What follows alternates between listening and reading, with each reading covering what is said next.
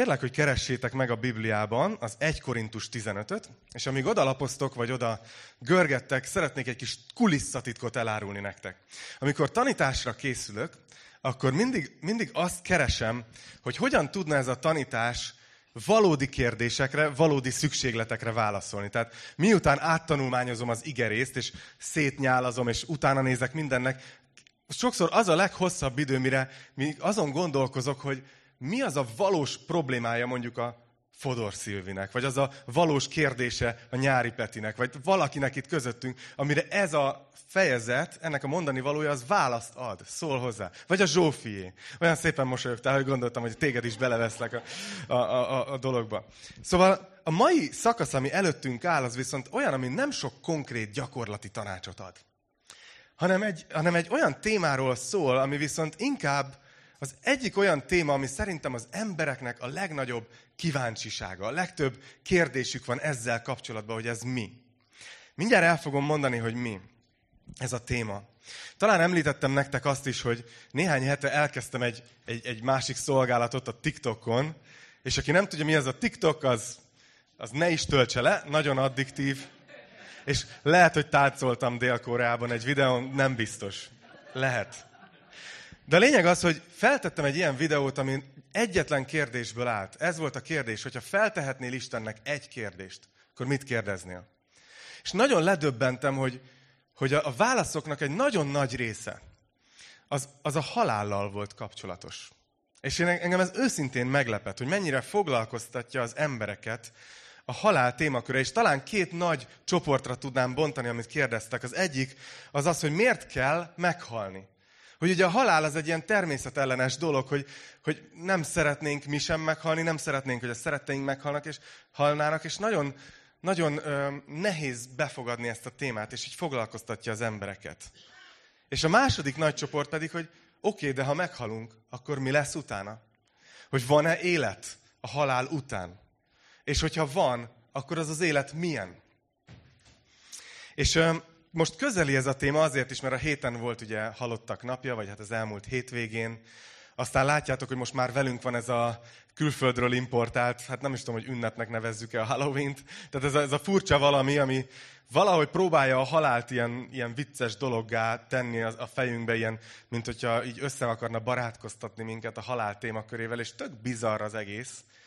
És, de az biztos, hogy ezekből mind-mind látszik, hogy az embereket, az emberiséget foglalkoztatja a halál témaköre. Milyen jó lesz a mai tanítás, nem? Haláli. Ez nem volt benne a jegyzetem. Na, de jó volt. Köszönöm. Halljátok, képzeljétek el, hogy a gyerekeim kezdenek abba a korba jutni, hogy már forgatják a szemüket az ilyen vicceken. Apu. Úgyhogy le kell állnom előbb-utóbb. A kereszténységnek a halállal kapcsolatban viszont elég határozott üzenete van, igaz? Hogy hogy a halál nekünk nem az elmúlásról szól. Aki meghal, az nem múlik el. Hanem, hanem azt tanítja, és Bai Peti és Sámuel ugye elég, elég jól átvették ezt a, ezt a témát már az elmúlt két héten, hogy lesz feltámadás. Hogy az élet nem áll meg ott a koporsónál. És ugye átvették ennek a fejezetnek az első 34 versét, és nagyon sok kérdést lefettek ezekből, amiket az emberek fölvetettek nekem is így a TikTokon. Az egyrészt ugye, hogy Sámuel beszél, Peti beszélt arról, hogy, hogy ugye az ember a saját döntésével, hogy eltávolodott Istentől, igazából behozta a halált ebbe a teremtésbe. És aztán beszélt Sámuel elég sokat a feltámadásról, hogy, hogy milyen ez és hogyan történik majd. De a nagy kérdés az az, hogy oké, okay, odáig eljutunk, hogy meg kell halni. Eljutunk odáig, hogy fel fogunk támadni. De utána milyen lesz az? Ti szoktatok ezen gondolkozni, hogy hogy fogunk kinézni? Hogy mennyi marad meg a mostani emlékeinkből? Hogy, hogy meg fogjuk-e ismerni a, a szeretteinket a, a, a, a mennyországban? Vagy hogy egyáltalán hogy fog kinézni, hogy, hogy milyen lesz a testünk? Hogy így, így Tudjátok, van rengeteg elképzelés ezzel kapcsolatban, hogy ilyen, vannak, akik azt gondolják, hogy milyen angyallá változunk majd, nem tudom, hogy kinő a szárnyunk, és így ott, ott lebe, vagy ilyen lelkek leszünk, és ilyen test nélkül lebegünk a semmiben. Tehát nagyon-nagyon sok, sok kérdés felmerül, és Pál ebben a részben, ami előttünk áll, tanít ezekről, és nem az összesre ad konkrét választ, de nagyon fontos alapelveket rak le, amelyekkel nagy biztonsággal tudunk ezekről a kérdésekről gondolkozni, jó? Úgyhogy ezzel fogunk ma foglalkozni, úgyhogy ha ott vagytok, akkor 1 Korintus 15, és a 35. versben vesszük fel a tanulmányozás fonalát, nyugodtan kövessétek. Egy, egy egyelőre egyetlen vers, azt mondja, hogy de megkérdezhetné valaki, hogyan támadnak fel a halottak? És milyen testben jelennek meg? Látjátok, hogy az emberek kérdései nem sokat változtak az elmúlt 2000 évben? Ez volt ott a kérdés. Pálnak ez merül föl, ahogy beszél a feltámadásról, hogy felmerülhet ez a kérdés, hogy hogyan támadnak fel a halottak, milyen testben. És ahhoz, hogy értsük Pálapostól reakcióját majd erre a kérdésre, érteni kell, hogy kihez beszél. Ugye beszéltetek itt arról az elmúlt hetekben, hogy ő korintusi gyülekezetnek írja ezt a levelet, és Korintusban a közgondolkozást, nem csak a keresztények, hanem általában a közemberek és a kultúra gondolkozása az erősen ilyen gnosztikus és, és doketista volt. Most ezt biztos vágjátok, hogy mi. Lényeg az, hogy, hogy a testet, az anyagi dolgokat, azokat gonosznak tartották. Nem láttak semmi értéket a világnak az anyagi részében. Úgy gondolták, hogy a lelkünk az az értékes, és az be van zárva ebbe a fizikai testbe, és a halál a legjobb dolog, mert akkor végre kiszabadulsz a testedből, ebből a börtönből. Tehát ő nekik ez az egész feltámadás témaköre, ez ilyen kigúnyolni való témakör volt. Hogy aha, feltámadunk, na mégis hogyan? Tehát, hogy láttál már olyat? Eleve hogyan történne meg, és milyen testben, mi értelme lenne a feltámadásnak. Hogy elképzeljük, hogy, hogy ott van valaki, és már időskort megérte, és tönkrement az, fáj ez, fáj az, és akkor még feltámad, és folytatja ugyanonnan, ahol abba hagyta, és, és így érződik a, a cinizmus, valószínűleg erre reagál pár, amikor azt mondja a 36. versben, esztelen. Valószínűleg őnek is sok beszélgetése volt ebben a témakörben, és érezte azt, hogy logikátlan, ahogy gondolkoznak a korintusiak. És így folytatja, hogy amit elvetsz, és elkezdi elmagyarázni, hogy hogy történik a feltámadás, amit elvetsz, nem kell életre, míg előbb meg nem hal. És amikor vetsz, nem a leendő testet veted el, hanem csak a magot, talán a búzáét, vagy valami másét. De Isten olyan testet ad annak, amilyet elhatározott, mégpedig minden egyes magnak a neki megfelelő testet. Nem minden test egyforma, hanem más az embereké, más az állatoké, más a madaraké, és más a halaké. Vannak mennyei testek, és vannak földi testek. De más a mennyeiek fényessége, és más a földieké. Más a nap fényessége, más a hold fényessége, és más a csillagok fényessége, mert egyik csillag fényességben különbözik a másik csillagtól. És utána azt mondja, hogy így van a halottak feltámadása is. Szóval Pál beszél arról, hogy egyrészt az az elképzelés, hogy mi mindannyian ugyanúgy fogunk kinézni amikor feltámadunk, az már nem stimmel. Mert azt mondja, hogy sokféle test van Isten teremtésében, és itt még összehozza azt is, hogy ugye más az emberek teste, meg az állatok teste, és vannak égi testek, vannak még a csillagok fényessége között is különbség. Tehát, hogy az a sokféleség, amit itt látunk a teremtett világban, az ugyanúgy jellemző lesz a feltámadás után. Nem ugyanolyanok, nem ugyanúgy fogunk kinézni. És nem, nem csak ilyen egyen angyalkák leszünk, tudod? Hogy, hogy mindenki ugyanaz, egy méretbe készül a fehér ruha, és akkor, és akkor meg vagyunk, hanem ugyanúgy ott lesz ez a sokféleség. És elmagyarázza azt is, hogy a, a feltámadás az leginkább ahhoz hasonlít, mint ami a növényekkel történik a természetben. Ugye, hogy azt mondja, hogy elvetsz egy magot a földbe, és azt mondja, hogy nem is tudod, vagy búza, vagy valami más, nem tudod, mert sokszor a magról nem is annyira pontosan látszik, csak ha nagyon értesz hozzá. És amikor elveted a magot, akkor utána várod, hogy kikeljen, ugye, hogy feltámadjon. De nem az történik, hogy egyszer csak kijön egy ekkora mag a földből, hanem kijön egy zöld növény, ugye, abból a barna magból. Az élet, ami benne van, a DNS az ugyanaz, de a formája az más. Az, az, egy, az egy más növény, amilyen testet Isten ad neki, azt mondja. És azt mondja, hogy na ilyesmi a feltámadás, hogy ki fog kelni de más lesz a megjelenése, és mégis ugyanaz marad.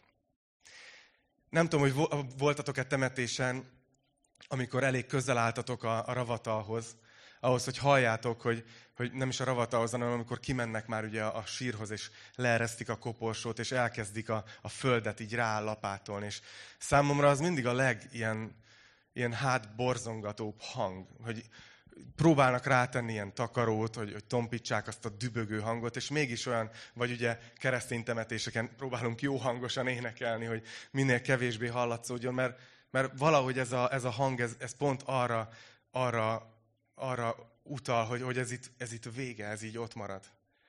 De ez, azon gondolkoztam, hogy milyen érdekes nem, hogy tényleg hasonlít egy magvetéshez, egy temetés. Hogy az a test, ami ott eltemetődik, az igazából egy magvetés ott bekerül a földbe, és ugyanúgy, ahogy egy mag, ugye elbomlik.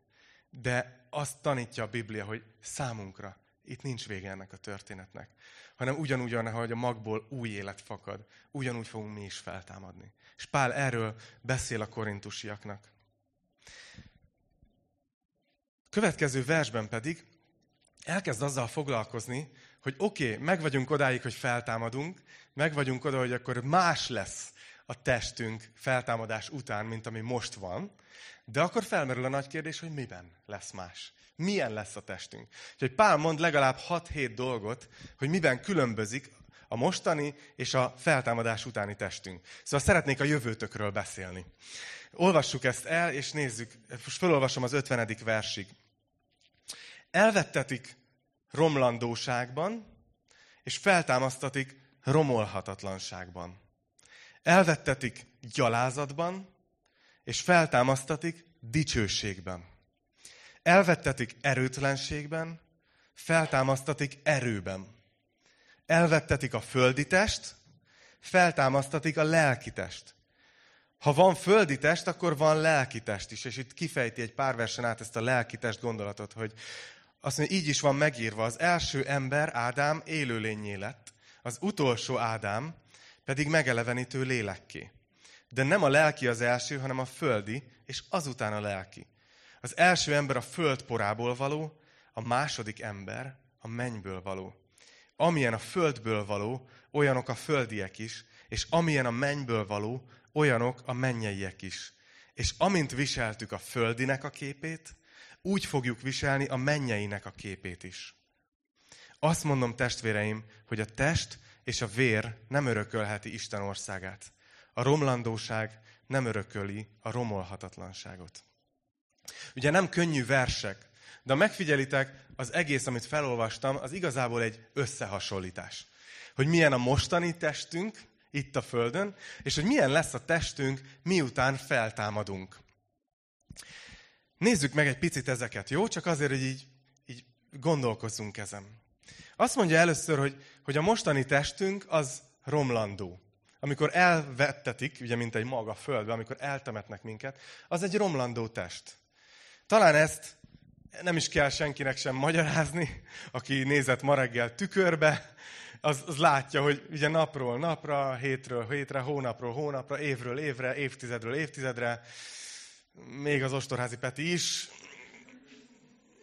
jó képű, de azért halad az idő. Kerestem a lehetőséget, hogy visszaadjam.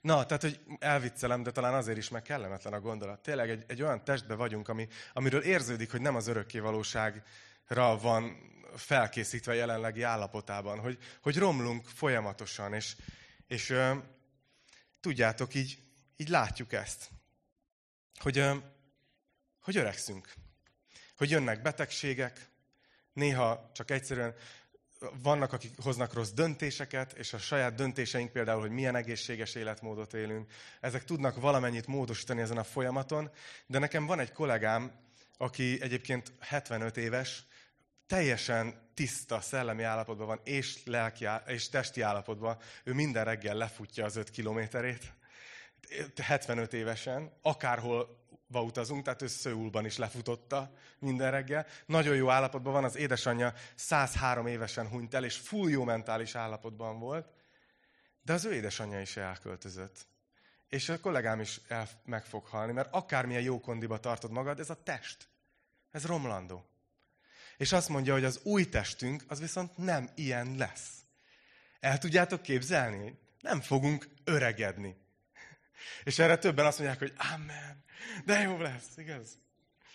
Aztán nézzük a második dolgot. Azt mondja, hogy elvettetik gyalázatban, és feltámasztatik dicsőségben. Na ez mit jelent? Próbáltam görög szótárban, meg mindenhol utána nézni, hogy, hogy mit jelent ez a gyalázat. Ez egyszerűen ezt jelenti, gyalázat, szégyen, gyalázat. A magyar nyelvben benne van. Amikor valamilyen szégyen teljes, gyalázatos. Az Pálnak milyen jó képe lehetett a saját testéről, nem? Hogy elvettetik ez a gyalázatos, szégyen teljes test. De ha belegondoltak, tényleg szinte nincs olyan ember szerintem a Földön, aki, aki valamit ne szégyelne a saját testén. Még, még a legjobban kinéző emberek is szerintem valami, valamivel kapcsolatban van ilyen negatív testképük, és erre persze a kultúránk rá is erősít. De nem minden részünket mutogatjuk olyan nagy bátorsággal, na. Mindannyiunknak van olyan, amit nem szívesen. És azt mondja a Pál, hogy az új testünk, az dicsőséges lesz. Nem fogjuk takargatni az arcunkat, hogy ugye nincs a fogam között valami, hogy, tudod, tudod, hogy nem fogjuk szégyelni magunkat, hogy, hogy hú, meg ne lássák, hogy tudod, a fül, egyik fülem egy kicsit nagyobb, vagy kijebb áll, mint a másik, vagy nekem például az egyik szemem sokkal kisebb, mint a másik, és most ne ezt nézzétek a tanítás hátra levő részével. Tehát mindannyian valamivel küzdködünk. De az új testünk, az dicsőséges lesz. Aztán azt mondja Pál, hogy elvettetik erőtlenségben, és föltámasztatik erőben. Ugye ez is egy jellemző dolog az emberi életben, hogy egy ideig, amíg felnövünk, egyre erősebbek leszünk, és aztán jön a B oldal, hogy egyre, egyre gyengébbek leszünk. Eni mondta nekem valamelyik nap, ezt nem is, nem is mondtam előre, de hogy, hogy tudod, valamivel nem haladok, le vagyok most maradva mindennel az életben, ha tanulással nem úgy állok, gyülekezeti is projekteket. Tehát most tényleg egy kicsit is szét vagyok esve, és így mondta, hogy régen ilyenkor simán fönnmaradtál éjszaka, és még dolgoztál. Hát most már nem csinálok ilyet. Merül, merül az az aksi, már, már nincs bennem az, a, az az erő. És ezért gondolom, hogy, hogy látjátok, nem mondja azt a Biblia, hogy mi örökké ott, ott nem tudom, húsz évesek leszünk a mennybe, de mégis azt mondja, hogy az új test az erőteljes. Ezért gondolom azt, hogy nem azt az állapotunkat fogjuk ott látni, amikor ilyen már, már merül le az aksi és gyengülünk, hanem, hanem az erejünk teljében lévő állapotunkban leszünk a mennyben. Azt mondja, hogy elvettetik a földi, és föltámasztatik a lelki, és itt belemegy egy hosszú összehasonlításba, és észrevettétek, hogy beszél az első emberről, aki a porból lett, aki a földi ember. Ez ugye Ádám, az első Ádám, és beszél egy második Ádámról, aki mennyei, és a mennyből való, és ez Krisztus. Ez Jézus Krisztus. Ő, ő a második Ádám, többször így említi őt a Biblia. És azt mondja, hogy ahogy mostani testünkben hasonlítunk Ádámra, az, a földi emberre, ugyanígy a feltámadásunk után olyanuk leszünk, mint Krisztus a feltámadása után. Emlékeztek? Olyan, annyira örülök, hogy le vannak írva ezek a részek arról, hogy milyen volt Jézus a feltámadása után. Hogy egyértelműen nem kötötték őt a fizikai törvények. Tehát a tanítványok ott együtt vannak, félnek, bezárt ajtók mögött, és egyszer csak pff, megjelenik Jézus. Mindig úgy képzeltem el ilyen, ilyen hologramosan. Tudod, egyszer csak így megjelenik. És nem tudom, hogy ez mennyire ijesztő lehetett. Tehát, hogy ő neki nem volt akadálya bezárt ajtó. De nem, de nem szellem volt. Nem egy lebegő lélek volt. Hanem leült, és kért enni. És megette a halat és ott, ott beszélgetett a tanítványoknak, és azt mondta, hogy gyere Tamás, tedd ide. Tehát meg lehetett őt érinteni. Volt fizikai teste. Szóval csak mondom nektek, hogyha azt gondoltad, hogy a mennyben milyen test nélküli lebegő valamik leszünk, nem. Olyanok leszünk, mint Jézus. Lesz testünk, csak nem romlandó, nem, nem ilyen, ilyen, ilyen gyalázatos, hanem, hanem olyan, mint Krisztus a feltámadása után. Olyasmi egy kicsit ugye azt is mondja, hogy, hogy az nem alkalmas a földi test a, a mennyre, ez az új pedig alkalmas lesz. Nekem nagyon tetszett Samu illusztrációja múlt héten az űrhajósok, űrhajós ruháról, ugye, hogy, hogy az űr az egy olyan közeg, ahol a mi testünk nem tud így, így létezni, vagy túlélni, hanem ahhoz fel kell vennünk egy ruhát, hogy, hogy, hogy meg legyen légzés, legyen az a hőmérséklet, stb., hogy a testünk kibírja az űrt. Ezt most úgy mondom, mint hogyha múlt héten nem Koreába lettem volna, hanem az űrbe. De hogy, de hogy képzeljétek el azt, mint, hogyha hasonlattal élünk, hogy mint hogyha olyan lenne az új testünk, hogy ki tudsz így menni az űrbe. És nem baj, hogy nem kell lélegezned, mert úgyis el vagy. Tehát, hogy más, más lesz a testünk, de lesz testünk. És ami talán, talán a legfontosabb is, hogy azt mondja, hogy az egyik az halandó, a másik viszont halhatatlan. És ez a nagy üzenete a feltámadásnak, és erről mindjárt még beszélünk. De a nagy üzenete ennek a fejezetnek, hogy egy másfajta testben fogunk feltámadni, ami olyan lesz, mint Krisztusé a feltámadás után. Romolhatatlan, dicsőséges, erős, a mennyre alkalmas. És hagy, hagy mondjak erről csak egy, egy gondolatot, hogy sokszor, amikor beszélünk, már a kérdéseink a mennyről és a feltámadásról árulkodnak valamiről. Ugye ilyen kérdéseket teszünk fel, hogy, hogy ott is meg fogom ismerni a szeretteimet? Ott is emlékezni fogok, az emlékeim velem jönnek? Hogy ott is nem tehát fölmerülnek ilyen kérdések, és az összes kérdés mögött igazából egy bizalmatlanság szerű valami áll. Hogy valamiért azt gondoljuk, hogy ez itt az igazi élet. És lesz ugyan élet a halál után, valamilyen, de az már nem lesz olyan jó. Az már valahogy ilyen gyengébb, lebutított verziója lesz a mostani életünknek. És hogy így leírtam ezt, így gondolkoztam, mondom, ez milyen Isten képről árulkodik, ha belegondoltak. Hogy tényleg azt gondoljuk, hogy Isten le akar minket egy alacsonyabb szintre tenni majd? Tényleg azt gondoljuk, hogy a menny az valamiben is rosszabb lesz, vagy kevesebb lesz, mint ez a földi élet. És így elgondolkoztam azon, hogy nem, hát az összes dolog, amit Pál megemlít, ott nem lefelé megy a szint, hanem következő szintet lépünk. Jobb lesz a testünk. Jobb lesz a minden szempontból. Ugye nem lesz hal, halandó. Akkor miért gondoljuk azt, hogy a lelki megtapasztalásunk bármiben kevesebb lesz a mostaninál? Én, én ezért gondolom azt, és megint csak mondom, hogy alapelvből következtetek, és reméljük pár évtized múlva meglátjuk, hogy bejött-e, amit ma reggel mondtam, majd amikor ott összejövünk a Heaven Café-ban, de én úgy gondolom, hogy igen, meg fogjuk ismerni egymást. Úgy gondolom, hogy, hogy, hogy visszük magunkkal az emlékeinket. Csak az összes kérdőjelünk, ami most ott van, hogy miért, miért így, miért ez, miért kellett így, miért, az valahogy Isten jelenlétében fel fog oldódni. De én nem gondolom, hogy bármiben kevesebb lesz a menny, mint ez. Na jó, inkább megyek tovább, mert honvágyam lesz. Pál aztán behoz itt még egy témát. Ugye beszélt arról, hogy feltámadunk, hogy a, hogy a testünk az nem, hogy mi leszünk azok, de nem ez a test lesz, hanem lesz testünk, de másfajta. És aztán elkezd arról, arra válaszolni, hogy oké, okay, értjük ezt, hogy ez történik azokkal, akik meghalnak, hogy majd feltámadnak. De mi van azokkal a keresztényekkel, akik életben lesznek, amikor ez, a, amikor ez az új időszak elkezdődik? És erről beszél az 51. verstől. Azt mondja, hogy íme titkot mondok nektek.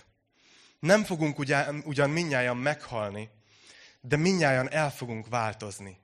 Hirtelen, egy szempillantás alatt. Az utolsó harsona szóra. Mert meg fog szólalni a harsona, és feltámadnak a halottak romolhatatlanságban. Mi pedig elváltozunk. Mert a romlandó testnek romolhatatlanságba kell öltöznie, és a halandónak halhatatlanságba. Szóval Pál arról beszél, hogy amit az előbb is mondott, hogy ez a test és ez a vér, ez a jelenlegi testünk, ez nem, nem örökölheti a mennyet, ennek fel kell öltöznie halhatatlanságba és romolhatatlanságba, de azt mondja Pál, hogy ez ugyanúgy meg fog történni azokkal, akik életbe lesznek ebben a pillanatban, mint azokkal, akik akkor a halálból támadnak fel. Ez az átváltozás, ez velük ugyanúgy meg fog történni, mint a halottakkal. És ez az esemény, amiről itt beszél, ez az én hitem szerint az elragadtatás.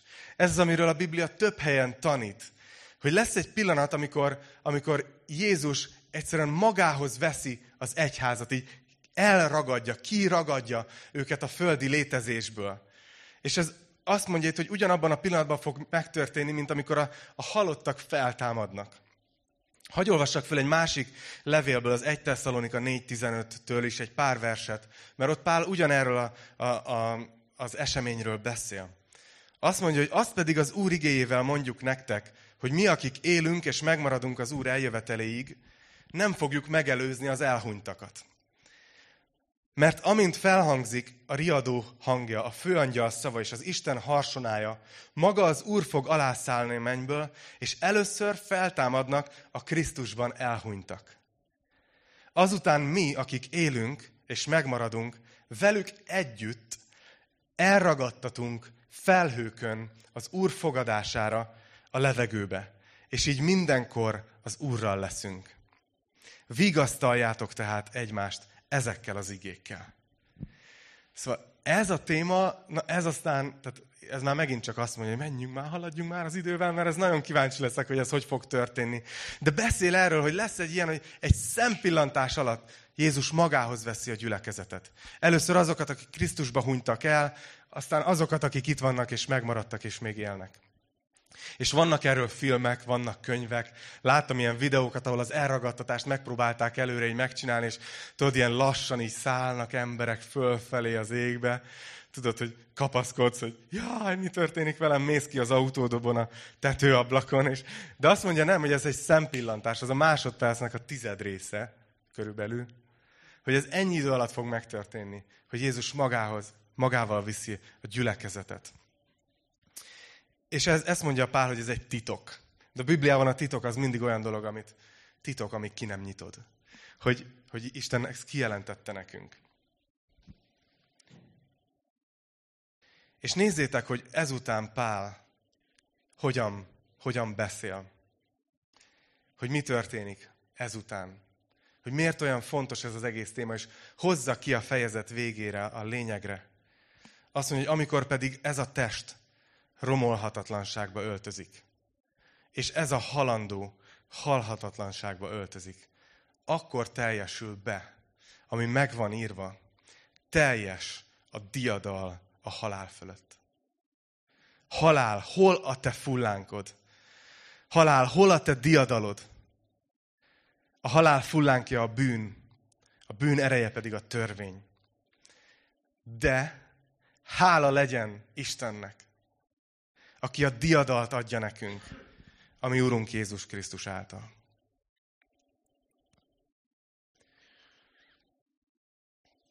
Szeretném, ha észrevennétek, hogy a Biblia hogyan beszél a halálról. És óvatos akarok lenni, mert, mert tudom, hogy valakit közelebbről érint, valakit távolabbról, de mindannyiunkat érinteni fog.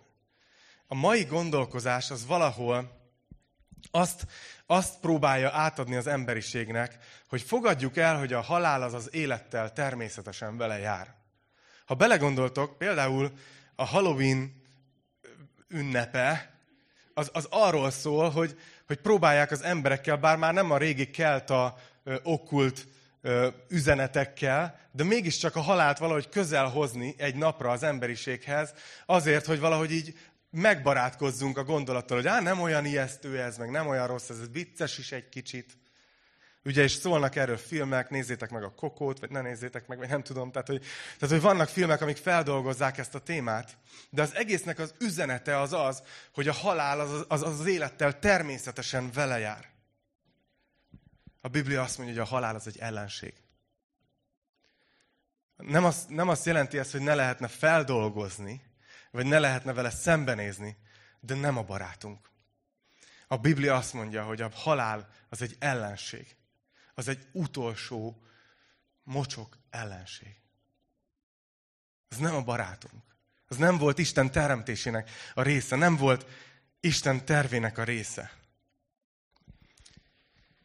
És, és azt gondolom, hogy, hogy ezért nagyon fontos az, hogy, hogy tudom, hogy hogy vagytok most is, akik nem tudom, nem átéltetek gyászt, vagy, vagy a közelmúltban átéltetek gyászt. És így nehéz mit kezdeni a halál gondolatával. Én emlékszem, hogy talán hozzám a legközelebb akkor jött, amikor először a nagybátyám halt meg, akkor nagyon kicsi gyerek voltam még, aztán pár éve a nagymamám költözött az úrhoz, és, és emlékszem, hogy, hogy ne, nem olyan még keresztényként is a halál, hogy, hogy, hogy miközben még azt is tudjuk, hogy van menny. Még azt is tudjuk, hogy van evangélium.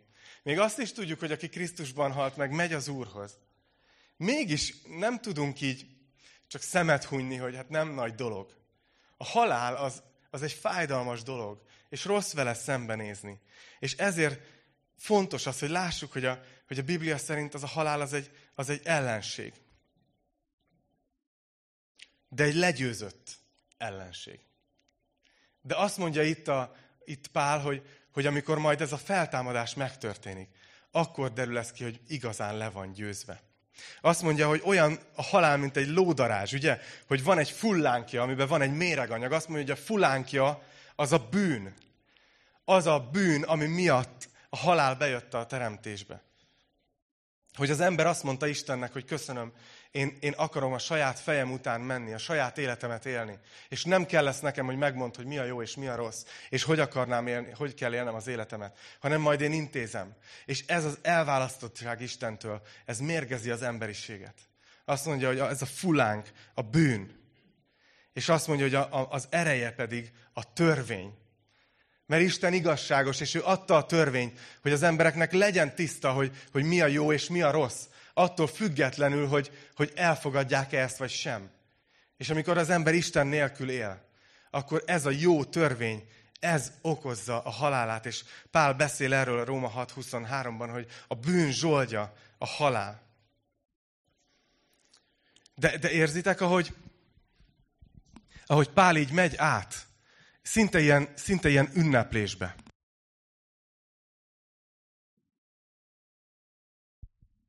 Hogy azt mondja, hogy igen, a halál az egy ellenség. De utána elkezd arról beszélni, hogy, hogy szinte így, így, így kigúnyolja, kigúnyolja a halált. Hogy halál, hol a, hol a, hol a fullánkod? Halál, hol a diadalod? Mert ugye az emberességben úgy tűnik, mintha az egész arról szólna, hogy végül mégiscsak a halál győz. Igaz, hogy végül mégiscsak a halál mondja ki a végső szót, akármilyen életet éltél, akármilyen helyen voltál, akármilyen családod volt, akármilyen kapcsolatod volt, végül te is ott fogsz feküdni egy koporsóba. Ugye ezt mondja a világ. De azt mondja, hogy le van győzve. Azt mondja, hogy a halál, annak nincs diadala. Az nem győz. Mert Jézus legyőzte.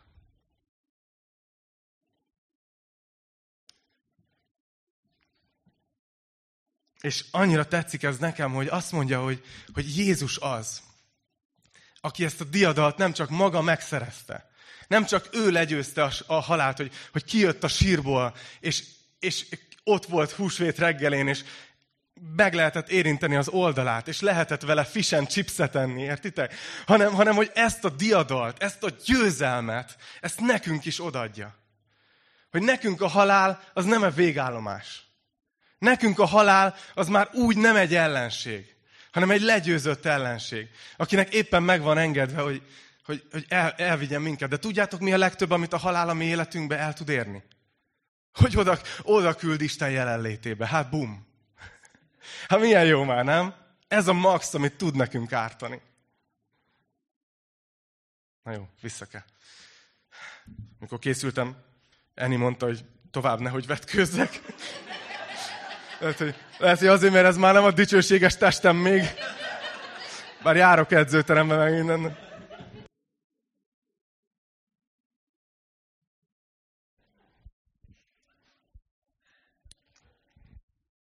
Ahogy az előbb én mondtam, ez a fejezet nem túl, nem túl gyakorlatias olyan szempontból, hogy és akkor mi? De az az érdekes, hogy Pál az utolsó versben mégis mond egy gyakorlati összefoglalást, és ezzel fogom befejezni. Azt mondja, nézzétek az 58. versben. Mihez kezdünk? Ezzel az egész témával a gyakorlatban, hogy beszélt az evangéliumról, beszélt a, a feltámadásról, hogy milyen testünk lesz majd a feltámadás után. Úgy tűnik, hogy ez érdekes, de mit, mihez kezdek vele holnap reggel? És nézzétek, itt mondja. Ezért, szeretett testvéreim, ezért. Tehát amit eddig elmondott, az evangélium miatt. Azért, hogy a halál le van győzve. Azért, hogy, hogy, hogy, hogy, hogy diadalunk van a halál fölött. Azért, hogy fel fogunk támadni. Ezért szeretett testvéreim. Így szól a gyülekezetnek, hogy szeretett testvéreim. Mert minket itt, kedves Golgot a kis csak ez az, ami összeköt. Hogy mi nem csak itt vagyunk itt együtt, és jól el vagyunk vasárnap reggelenként, akár tetszik, akár mi együtt fogjuk tölteni az örökké valóságot. Azt mondja, ezért szeretett testvéreim, és mond nekik két dolgot. Legyetek szilárdak, rendíthetetlenek. és buzgolkodjatok mindenkor az Úr munkájában, hiszen tudjátok, hogy a fáradozásotok nem hiába való az Úrban. Tudjátok, azt hiszem, hogy, hogy ez az, amit magatokkal vihettek. És én is ezt viszem magammal. Hogy az egyik dolog, amit mond Pál, hogy ez, ezek miatt, a feltámadás miatt, az evangélium miatt, a remény miatt, amink van, ezért legyetek szilárdak és rendíthetetlenek. Tudjátok, az a helyzet, hogy olyan világban élünk, és mit tudjátok, hogy ne tudnátok, hát látjátok, hogy minden rázkodik körülöttünk. Érzitek? Érzitek, hogy minden inog? A gazdaság, a politikai helyzet, az emberek megélhetése, az emberek idegállapota és mentális állapota. Nagyon sok ember alól húzza ki az élet jelenleg a, a, a talajt. És azt mondja Pál, hogy mi mégis lehetünk rendíthetetlenek. Olyanok, akik stabilan állunk. És az evangélium miatt. Mert nekünk ez az élet, ez olyan, már mondtam egy párszor, mint hogyha Debrecenbe tartanánk, és ez még csak az M3-as bevezető szakasza. Itt, itt történhetnek dolgok, de, de nem omul, omlunk össze, amiatt, hogy valami tönkre megy az életben. Mert nekünk egy nagyon hosszú, egy örök életünk van, ami vár ránk. És ezt mondja Pál, hogy, hogy építkezzetek ezekre a gondolatokra azért, hogy stabilak legyetek az életben. És tudjátok, minden tanítást úgy mondok nektek is, hogy részben nektek szolgálok, de részben szeretnék segíteni felkészülni, hogy amikor beszélgettek emberekkel, akkor mi az üzenet? És hát ez azt hiszem egy üzenet. Most főleg, amikor nagyon sok embernek éppen széthullóba lesz a világa.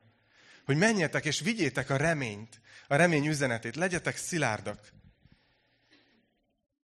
És aztán azt mondja, hogy buzgolkodjatok mindenkor az Úr munkájában. Mert tudjátok, hogy a fáradozásotok nem hiába való.